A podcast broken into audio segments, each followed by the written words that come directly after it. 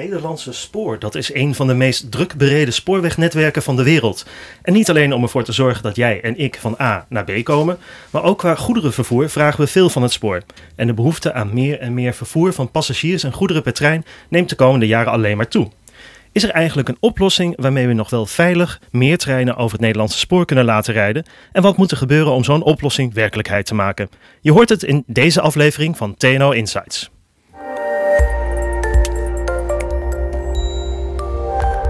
Hallo en welkom. Leuk dat je luistert naar deze aflevering van TNO Insights, de tweewekelijkse podcastserie over de maatschappelijke uitdagingen van dit moment. En mijn naam is Patrick Harms. In eerdere afleveringen doken we onder meer in de vraag of zonnestroom in Nederland wel toekomst heeft en of kunstmatige intelligentie een belofte of een bedreiging is. Lijken deze en andere afleveringen jou ook interessant toe? Zoek dan naar TNO en Insights in jouw favoriete podcast-app, zoals die van Spotify, Apple Podcasts, iTunes, Soundcloud en de app van podcastluisteren.nl. En als je dan ook nog abonneert, verschijnen we voortaan elke twee weken met een nieuwe aflevering vanzelf in jouw podcast-app. Vandaag kijken we naar hoe we in de nabije toekomst op ons zeer druk bereden Nederlandse spoorwegnet veilig nog meer treinen kunnen laten rijden. En dat doen we met Johanna Knijf. Binnen ProRail ben jij verantwoordelijk voor innovatie op en rond het spoor. Welkom. Dankjewel. Rick van der Band, jij bent bij ProRail betrokken bij de technische implementaties van de zaken die Johanna bedenkt. Ja, klopt. Dankjewel. Ook welkom. En dan wordt het een beetje ingewikkeld vandaag, want we hebben een tweede Rick, Rick Paulus. Jij bent verbonden aan TNO en gespecialiseerd in vervoer en logistiek via het spoor. Uh, welkom in de studio ook. Dankjewel. En we gaan ons best doen om te zorgen dat mensen begrijpen welke Rick uh, het woord heeft zometeen. Hey, uh, het is erg druk al op het spoor, maar Johanna, jij bent van ProRail. Jullie zijn de spoorwegnetbeheerder in Nederland. Hoe druk is het eigenlijk? Nou, het is inderdaad erg druk op het spoor en we zien het ook steeds drukker worden. We hebben uh, een toenemend aantal uh, reizigers, maar ook uh, goederen wat we moeten vervoeren. we zien in de, de, de, cijfers dat het echt ook een behoorlijk stijgende lijn is, van tot wel 30 procent. Dus dat is behoorlijk, behoorlijk stijgende lijn waar we wat aan moeten doen. Maar het is wel per locatie verschillend. En, en waar stijgt het vervoer het hardst? Nou, voornamelijk in de Randstad, hè, dat is uh, Randstad zoals te verwachten is. Dus dat uh, klopt inderdaad. Erg druk. En nog steeds, het wordt steeds drukker. En meer passagiers of ook echt meer uh, vervoer van goederen? Beide. Beide. Zowel meer passagiers, maar ook meer goederen die we te vervoeren hebben. Oké. Okay. Hey, en welke maatregelen hebben jullie al genomen? Uh, want die ontwikkeling zagen jullie natuurlijk wel aankomen als ProRail. Welke maatregelen hebben jullie al genomen om te zorgen dat we ja, al, nu al meer treinen kunnen laten rijden? Nou, ProRail vernieuwt natuurlijk constant het spoor, hè, zowel uh, stations, maar ook als spoor zelf. Dus we bouwen ook bij. Uh, daarnaast hebben we natuurlijk ook technische innovaties. En rijden we hoger frequent. Als je bijvoorbeeld naar de A2-corridor kijkt, zijn we al hoogfrequenter aan het rijden. Dus we nemen inderdaad al maatregelen. En met de A2-corridor vermoed ik nee, dat je bedoelt Amsterdam-Eindhoven. Amsterdam, uh, ja klopt inderdaad. Want daar ja. zijn jullie recent eh, begonnen samen met de NS om ja, elke klopt. 10 minuten volgens mij een trein te laten klopt rijden. inderdaad. Ja, correct. Uh, wat voor technische innovaties heb je daar eigenlijk voor nodig om, om dat hoogfrequent vervoer mogelijk te maken? Nou, we zijn bijvoorbeeld uh, gestart met een rijadvies te geven, een uitroladvies voor de machinisten. Dus dat wordt nu al uh, beproefd en getest. En we hebben een, het routelint, dat is, de, geeft contextinformatie aan machinisten om te weten uh, wat er op het spoor uh, precies voor zich gebeurt op zijn rijpad. En, en dat uitroladvies, dat houdt in van ga hier. Ja, wat dat gebeurt is dus er echt een advies waar, ja? wat de machinist, machinist in zijn cabine krijgt, waar die kan zien waar die uit moet rollen. En het routelint geeft dus contextinformatie, dat hij precies ziet hoe laat hij of hij vertraging heeft uh, met zijn trein en of andere treinen vertraging hebben op zijn rijpad. Of als hij uh, voor op zijn pad loopt. En daardoor wordt het mogelijk om meer om daar treinen... beter op te anticiperen. En dan wordt het mogelijk om meer treinen te Klopt, laten rijden. dan ga je nauwkeuriger doorrijden. Oké. Okay. Interessant. Ja. Ik, ik, stam nog uit de tijd dat je werd geleerd een dodemansknop en dat was de meest technische um, innovatie in een trein. Uh, ook die hebben we nog hoor. Uh, dus, die hebben we ook nog. Ja, okay. die is nog steeds niet okay. weg. Hey, Rick uh, van TNO, al die maatregelen die nu al genomen zijn, is dat wel voldoende om aan de vraag uh, die er aankomt dan uh, te voldoen? Nou, niet die eraan komt, laten we zeggen. En dat is ook, uh, laten we zeggen, wel een van de punten waar, uh, waar nu naar gekeken wordt. Hè? Ook met, samen met ProRail. om te kijken van, nou, hoe kunnen we eigenlijk in de toekomst... Nou, je hebt net al gehoord van Johanna, de hoogfrequent rijden is natuurlijk een oplossing. Nu gebeurt dat natuurlijk tussen Amsterdam en Eindhoven. Maar dat is ook te kijken om dat verder door te trekken. bijvoorbeeld Arnhem-Nijwegen is ook een traject dat mogelijk zou kunnen. Maar dat weet ProRail beter dan ik. Maar als je kijkt naar, laten we zeggen, de, de, de, de huidige staat van innovatie... of de huidige staat van van systemen, hoe dat met elkaar inter interacteert. daar zijn natuurlijk nog wel aardig wat verbeterpunten te halen. Waardoor ook bijvoorbeeld een van de zaken is natuurlijk met zelfrijdende treinen. Of nou, dat is het woord zelfrijdende treinen, treinen kan je op meerdere manieren uitleggen. Maar waar het om gaat is eigenlijk dat je, dat je verder gaat automatiseren. Dat je eigenlijk gebruik gaat maken van allerlei sensoren in, natuurlijk, mhm. in, de, in de trein, op de trein en minder in de baan. En dat je, laten we zeggen, ook het systeem meer aan elkaar koppelt automatisch. Waardoor je dus eigenlijk uh, meer nou ja, autonoom, uh, zelfrijdend systemen kan laten lopen. Dat is nog een toekomstplaatje. Ja. Maar kijkend naar, de, naar het, de groei van het vervoer op de passagiers en, en de goederen, is dat wel een noodzaak. Want anders dan loop je tegen de barrières aan. En die zijn al vorig jaar, heeft Wouter van Dijk van, van, van Pro heeft al aangekondigd dat we nou echt tegen de kritische grenzen aanlopen. Op, om meer capaciteit vrij te maken wordt moeilijk. We gaan zo meteen uh, met Rick van ProRail wat dieper in kijken van uh, wat is er dan technisch allemaal nodig om die zelfrijdende treinen mogelijk te maken. Uh, maar ik vraag me af, we hebben in Nederland een heel, ik zei al, meest, een van de meest druk bereden spoorwegnetwerken van de wereld. Maar ik kan me voorstellen dat andere landen hier ook al mee bezig zijn en al druk over nadenken zijn. Zelfrijdend, extra vervoer. Wat is daar gaande? Uh, nou, dat zijn eh, vanuit, uh, er is een programma, laten we zeggen, van het uh, Europees programma, van Horizon 2020 noem, wordt dat genoemd. En daarin zitten een aantal programma's. En een van daarvan is um, Shift to Rail. En Shift to Rail is een programma wat echt kijkt naar hoe gaan we dus technieken die er al zijn en standaarden en zo, hoe gaan we dat Europees ook op een goede manier implementeren. Daar zit ProRail ook in. Maar bijvoorbeeld de Deutsche Baan zit daarin, uh, de, de Zweedse baan. al, eigenlijk de grote, laten we zeggen, inframanagers en ook vervoerders. want in Duitsland bijvoorbeeld is DB ook een vervoerder. Mhm. Ehm, die dan gaan testen en kijken van hoe kunnen we, experimenteren, hoe kunnen we eigenlijk de systemen aan elkaar koppelen. Zodat we straks op een gegeven moment ook meer capaciteit, meer punctualiteit en ook energiezuiniger en beter kunnen gaan, gaan rijden. Ja, want dat energiezuinige rijden is een van de redenen waarom je ook uh, zelfrijdende treinen zou willen hebben. Vanuit klimaatdoelstellingen. Ja, bijvoorbeeld. Want uh, doordat je dat, laten we zeggen, doet, uh, door die verdere automatisering, hè, ook in de trein, kan je de, de, de, het optrekken en de remmen van, van de trein efficiënt laten verlopen. Maar moet je voorstellen, als een trein heeft nogal een gewicht. Hè? Eh, bijvoorbeeld mhm. de, de goederen is nog zwaarder natuurlijk dan een passagier. Zeker als je uit de Rotterdamse haven met, met bulkgoederen gaat. Nou, als je dan kan calculeren, uh, automatisch hè, gebeurt dat dan. Hoe, uh, hoe, uh, je eigenlijk hoe je moet afremmen totdat je op de juiste, laten we zeggen, punten stopt. dan kan dat geleidelijker en dan kan dat veel efficiënter dan een machinist doet. Machinisten die, die, die vinden dat soms nog wel moeilijk ook. want ze hebben natuurlijk ook dat, dat steeds meer geleerd dus het is een, het is een spel wat eigenlijk samen, uh, laten we zeggen, verder gespeeld moet worden. Op een dus, goede manier. Dus eigenlijk de, een, ook een stuk verbetering van dat uitroladvies waar Johanna het zo net over had. Dat klopt. Dat uh, zijn vervolgverbeteringen, inderdaad. Je gaat steeds stapjes verder. Ja. Dus we zijn begonnen, wat ik net al vertelde, met het routelint, die contextinformatie. ga je naar uh, een uitroladvies en zo een dynamisch uh, rijadvies. Nou, uiteindelijk ga je naar uh, Automatic Train Operation, oftewel ATO. Ja. Nou, Automatic Train Operation. Uh, laten we het gewoon zelfrijdende treinen of autonoom rijden van treinen gaan noemen. Uh, meeste mensen denken bij zelfrijdende voertuigen aan de auto. Um, maar wat houdt autonoom rijden op het spoor dan precies in? Uh, Rick van ProRail. Ja, dat is een, een groot verschil tussen autonoom rijden op het spoor en op, op de weg. De, de, de, de vergelijking wordt snel gemaakt met zelfrijdende auto's. Maar over het algemeen is, het, is het verschil in zoverre te benoemen dat de, uh, de rijwegen voor auto's die liggen niet vast en de rijwegen voor treinen liggen wel vast. Dus op dat vlak is het spoor uitermate geschikt om autonoom op te gaan rijden. Uh, wat, wat het wel moeilijker maakt, is ten eerste het gewicht van de trein, wat ook al eerder benoemd is. Mhm. Uh, je hebt een, een behoorlijke remweg. Uh, en je kan daardoor dus moeilijker vooruitkijken met sensortechnieken en, en, en dergelijke. Dus het is moeilijker om te anticiperen op wat er voor jou op de weg gebeurt. Mhm. Of op het spoor in dit geval. Um, daarnaast hebben we op het spoor uh, zit je met een kruising van verschillende vervoerstromen. Dus je hebt overwegen, je hebt tunnels, je hebt bruggen. Je hebt natuurlijk ook mensen, passagiers. Je hebt de natuur om je heen. het kan zomaar voorkomen dat er dieren op de weg of op het spoor lopen. Uh, of mensen langs het spoor. Daar moet, daar moet op geanticipeerd kunnen worden. En mhm. dat maakt het ingewikkeld. Ook als je in de buurt komt van, van een perron. Hè, de mensen staan op een perron. Daar kan ook van alles uh, gebeuren.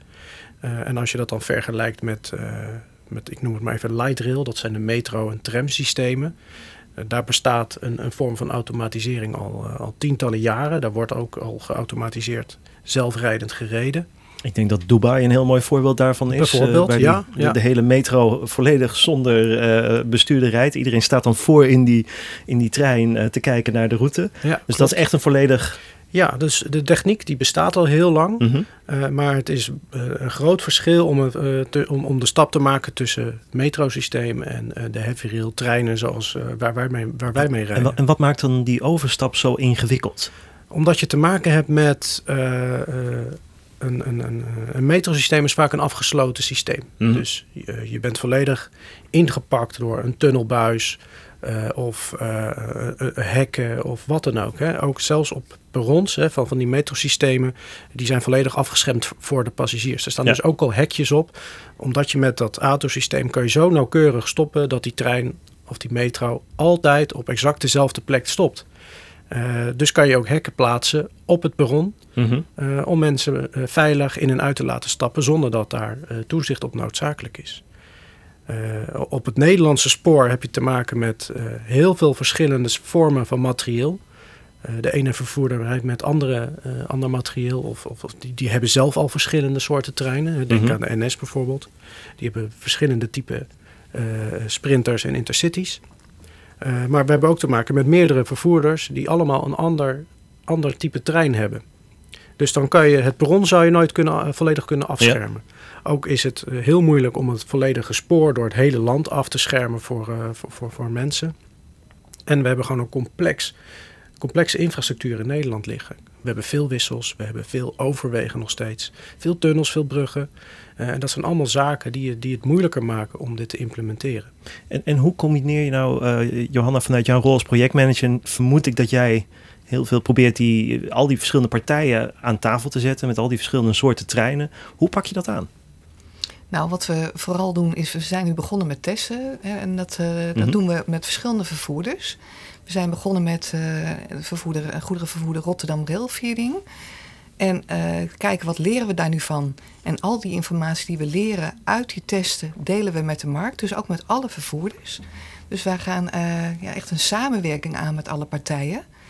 Um, dat doen we dus ook nu uh, in, uh, straks in Groningen met Arriva. Dat is weer een regionale vervoerder. Ja. En we zijn ook uh, in gesprek met NS. Om te kijken wat we leren van de testen. En die informatie delen we dus ook. En, en wat, wat testen jullie dan? Wat wij uh, nu uh, test gaan testen is een Grade of Automation 2.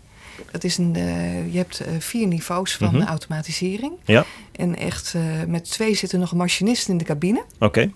Dat betekent dus dat hij ook verantwoordelijk blijft tijdens de test. Maar een, we, we, kunnen spreken van een vorm van cruise control in de, in de trein. dat zijn de testen die we nu aan het uitvoeren zijn. En als je op cruise control rijdt, kan ik mij voorstellen dat je dan wel een systeem wilt hebben dat uh, iemand in kan grijpen op het moment dat het klopt, verkeerd gaat. Klopt. Ook als er iets wat verkeerd gaat met de machinist. Dat klopt, maar dat, dat, dat is dus nu gewoon de machinist zoals nu ook mm -hmm. zo is. En dus die is en blijft verantwoordelijk. Oké. Okay. Rick, uh, uh, jij hebt uh, recent met collega's een rapport geschreven, Rick van TNO in dit geval, over ja, waar, waar gaat het heen met geautomatiseerd vervoer? Wat zijn nou de belangrijkste ontwikkelingen die jij daar voor je ziet? Uh, nou, er zijn laten we zeggen, net al een paar dingen genoemd. En overigens, dat heb ik samen natuurlijk met, uh, met Johanna en met andere Rick gedaan. Uh, en laten we zeggen, waar wij dan vooral in het rapport op, op gefocust hebben, is niet zozeer op de techniek. Want de techniek zijn er heel veel dingen zijn er al gewoon. Mm -hmm. Maar vooral op andere, alle, alle andere aspecten eromheen. De sociale aspecten, hoe ga je om met wetgeving? Ehm, hoe ga je om met de partijen, de keten erin? En dat is ook, laten we zeggen, meenemen in het verhaal. Want dit is niet vandaag op morgen is dat eigenlijk uh, geregeld. Dus je moet er echt de tijd voor nemen uh, om de techniek door te voeren. Mm -hmm. de, de, de mensen eigenlijk, hè, de, de, omgeving, maar ook de mensen die vervoerd worden, of uh, ja. uh, mee te nemen in het verhaal dat het ook daadwerkelijk iets is van morgen. Uh, maar net als de mobiele telefoon kost dat gewoon tijd om in te voeren. Ja. maar als je nu kijkt, we zitten nu op onze smartphone alles te bekijken. Nou, straks doen we dat ook. Alleen dan zien we gewoon, nou we weten dat die trein altijd om twee, over twee minuten er staat. Of drie minuten. Dus we gaan steeds meer naar een, een eigenlijk een, een spoorboekloos rijden toe. wat eigenlijk naadloos in elkaar ingrijpt.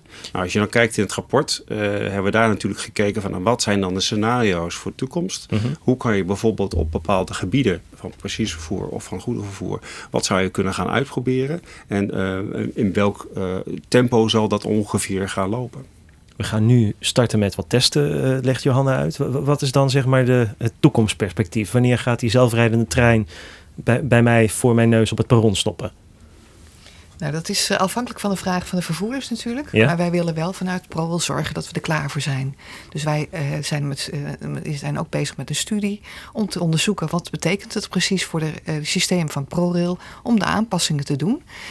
Uh, zodat wij nu al kunnen gaan starten met mhm. de vervoersvragen die we gaan krijgen. Wij, daar zijn we zeker van.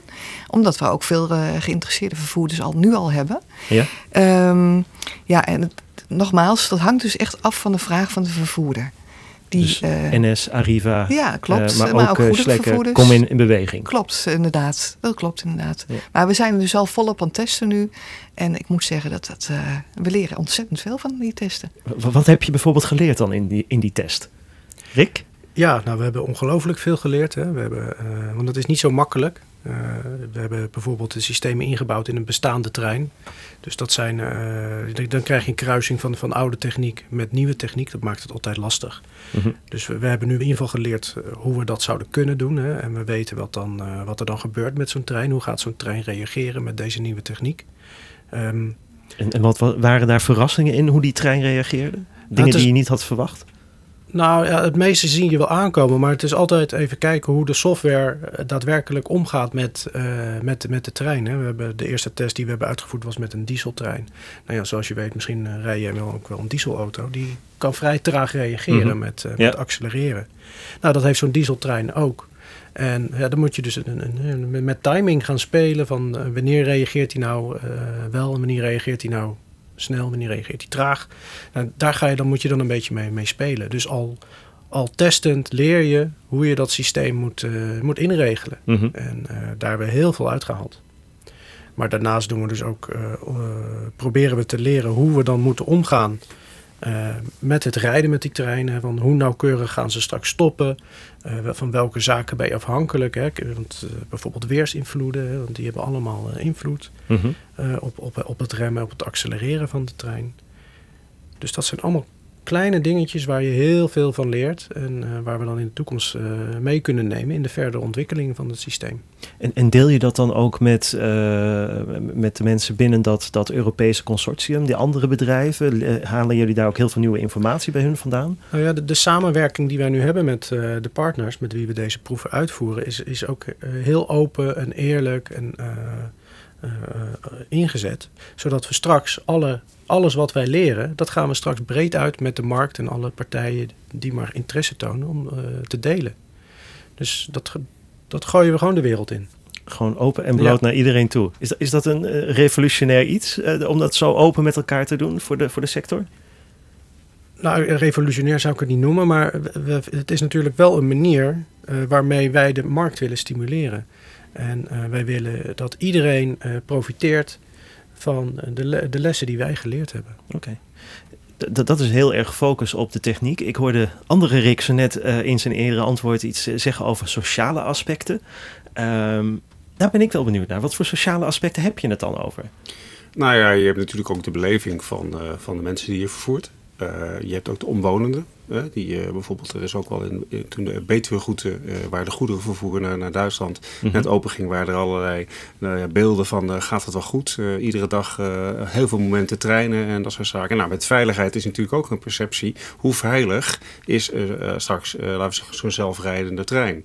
Want het doel is waarschijnlijk een trein zonder een machinist op een gegeven moment? Nou ja, Of- dat is uiteindelijk uh, na zoveel jaren misschien wel een doel. Maar Ik zie Johanna heel niet. driftig nee schudden. Ja, dat klopt. Want nu niet. Want nu zitten we gewoon... Kijk, de machinist heeft een belangrijke rol nu en die zal die ook uh, voor heel lang houden. Mhm. De vraag is, kijk, zoals het metrosysteem van Dubai, wat je net noemde, Patrick. Ja. Ja. daar zit niet zoiets in, maar het is een gesloten systeem.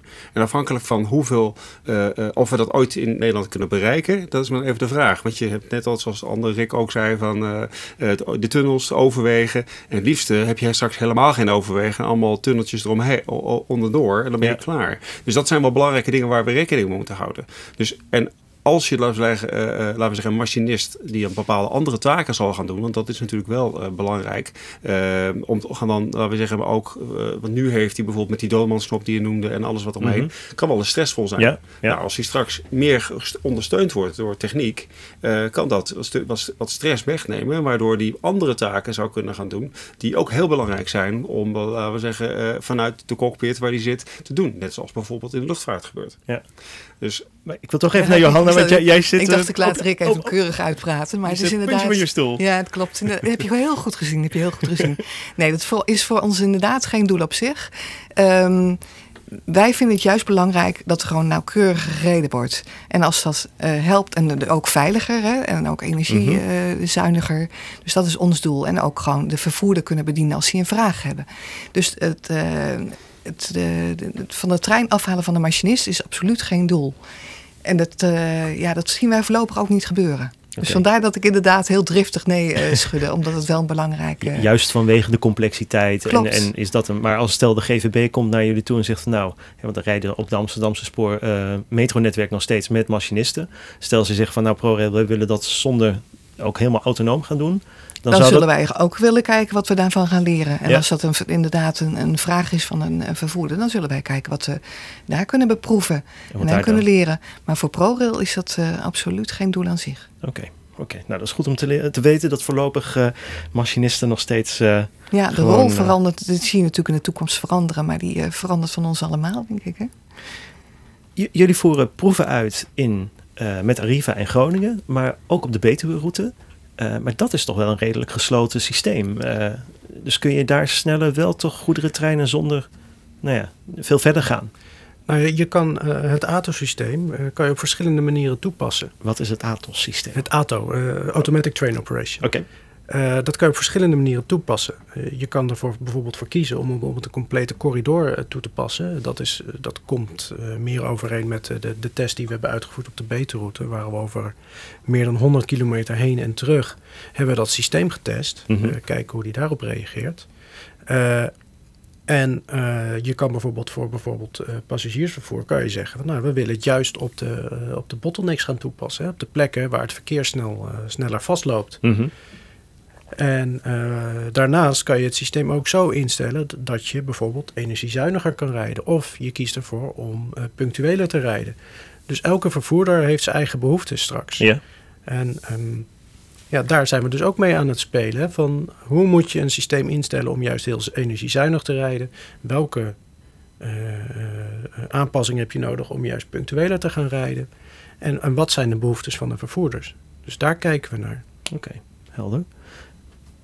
TNO, Rick, eh, zeg ik maar. Ehm, eh, TNO doet heel veel op het gebied van zelfrijdende vervoer. Eh, ook niet alleen met spoor, maar ook heel veel op het gebied bijvoorbeeld van auto. Ja, die zelf vrachtwagens. Ja. Zijn er nou aspecten die jij van, want jij bent gespecialiseerd in spoor, zijn er nou Ja. zaken waarvan je zegt van, nou, ik hoor van mijn collega's die daarmee bezig zijn, allerlei ontwikkelingen, nou, die zou ik ook wel spannend vinden om toe te voegen. Waar, waar hebben we het dan? Is nou dat ja, bijvoorbeeld, eh, het is natuurlijk een ander soort vervoer, want je hebt eh, met meerdere dimensies te maken. Eh, de trein kan achteruit en vooruit, maar niet zo snel als er een- geen wissel is, niet opzij. Ehm, en eh, laten we zeggen, wat je wel ziet is dan dat als je dus bijvoorbeeld platooning, hè, dat is het rijden van, van vrachtwagens achter elkaar doet, dat je dan goed, laten we zeggen, ook door, door sensors die erin zitten, Mhm. hè, die afstand meten en dat soort zaken. dat je daar, laten we zeggen, ook goed rekening mee moet houden. Ik, ik zie dat ook komen, laten we zeggen, eh, binnen, eh, eh, laten we zeggen, de treinen, het rijden van zelfrijdende trein op de duur. Dat je dus, laten we zeggen, een kilometer van tevoren kan detecteren dat er wat beweegt. Wat dat ook is. En dat je daarop anticipeert. Maar dan zijn we weer een paar slagen natuurlijk verder. En zo zie ik bijvoorbeeld vanuit onze defensiekant, hè, waar we natuurlijk met, met, ook met radars en drones en dat soort Mhm. zaken. Nou, daar kan je ook dingen combineren. Maar wat nog een veel belangrijker aspect is, en die zie ik weer vanuit, vanuit onze kant van human factors, dus eigenlijk alle menselijke kant omheen. Hoe eh, wat is eigenlijk het beeld wat, wat personen of eh, machinisten of andere eh, ja, personeel wat in de trein eh, om me heen zit, bijvoorbeeld treinleiders, procesleiders heb je ook natuurlijk te maken. Die Mhm. gaan allemaal op een andere manier, moeten ze gaan samenwerken. En hoe ga je dat op een goede manier stimuleren, helpen om dat eh, te doen? Ik denk dat dat hele belangrijke aspecten zijn die wij daar als TNO, laten we zeggen, ook in kunnen brengen in, in dit traject. Is dat iets wat, wat voor jou, Johanna, als eh, ehm, verantwoordelijk voor innovatie bij ProRail ook echt waar, waar de aandacht op zit? Ja, zeker. Ehm, ook wel goed om te melden, kan Rick straks ook al wat meer over vertellen. Dat we bijvoorbeeld op de Betuweroute al eh, ook begonnen zijn met objectherkenning. Mhm. Maar wij zullen zeker ook eh, gaan kijken wat we met wat sensortechnieken kunnen gaan toevoegen. En wat die helpt bij het ontwi- verder ontwikkelen van het ATO-systeem. En, en objectherkenning, dan heb je het bijvoorbeeld over het herkennen van mensen die op het spoor lopen. bijvoorbeeld. ja? bijvoorbeeld. Ja, ja. Nou ja, het gaat om de herkenning van, eh, van, van het spoor. Van waar bevindt de trein zich? Welke route rijdt die? eh, rijdt die eh, welke objecten komt hij langs het spoor tegen? Maar ook op het spoor. Hè? Dus Mhm. hoe kan hij dan gaan ingrijpen als er inderdaad een, een persoon of een ander object op, de- op het spoor aanwezig is? Komt er dan ook eh, zoiets als eh, kunstmatige intelligentie om de hoek kijken? In podcast 5 hebben we daar eh, vrij uitgebreid over gesproken. En het kwam het voorbeeld voorbij van een proef van een zelfrijdende auto... waar de artificial intelligence in het systeem onvoldoende een dame op de fiets herkende... als zijnde een dame op de fiets en die mevrouw aanreed. Is, dat, is dat ook zaken waar je met een schuin oog naar kijkt van dat soort ontwikkelingen... dat je dat inbrengt? Ja, dat klopt. Dat ja, klopt dat inderdaad. klopt. We hebben, inderdaad, eh, we hebben ook dus contacten hè, met eh, eh, mensen van de, de NLR, maar ook TNO en ook het wegverkeer. Eh, om te kijken wat leren die nou, nou Ja. en wat zijn nou onze raakvlakken. Om te en zo, zo kijken we dus wat, we wat, wat kunnen we meenemen. En wellicht komt daar dan weer een ontwikkeling uit voort Klopt. van het spoor die weer vervoerd kan worden naar de bussen, naar de. ja, en zo leren we van elkaar. Interessant. Ehm, wat voor termijn gaan we daadwerkelijk nou zo'n zo'n trein voorbij zien komen? Jullie enig. Ja, dat, dan, dan ligt er dus over welk niveau je spreekt. Hè. Wij eh, moeten dus nog, we zijn dus nu aan het testen. Ja. Nou, en ik verwacht dat het nog wel enkele jaren duurt voordat wij aan, aan de ProRail-kant ook eh, eh, daar helemaal klaar voor zijn. We- zijn dus nu aan het kijken van nou, wat betekent het precies Mhm. voor die systemen. Maar voordat je daadwerkelijk echt rijdt, ben je zo wel twee jaar verder, verwacht ik. En dan hebben we één stap gemaakt eh, omhoog. Klopt. eh. ja, klopt. En, en- ik vind, ik, het is al heel bijzonder dat wij natuurlijk de eerste test op de Betuwe-route nu al uitgevoerd hebben. ja. En daar zijn we ook heel eh, trots op, kan ik wel zeggen.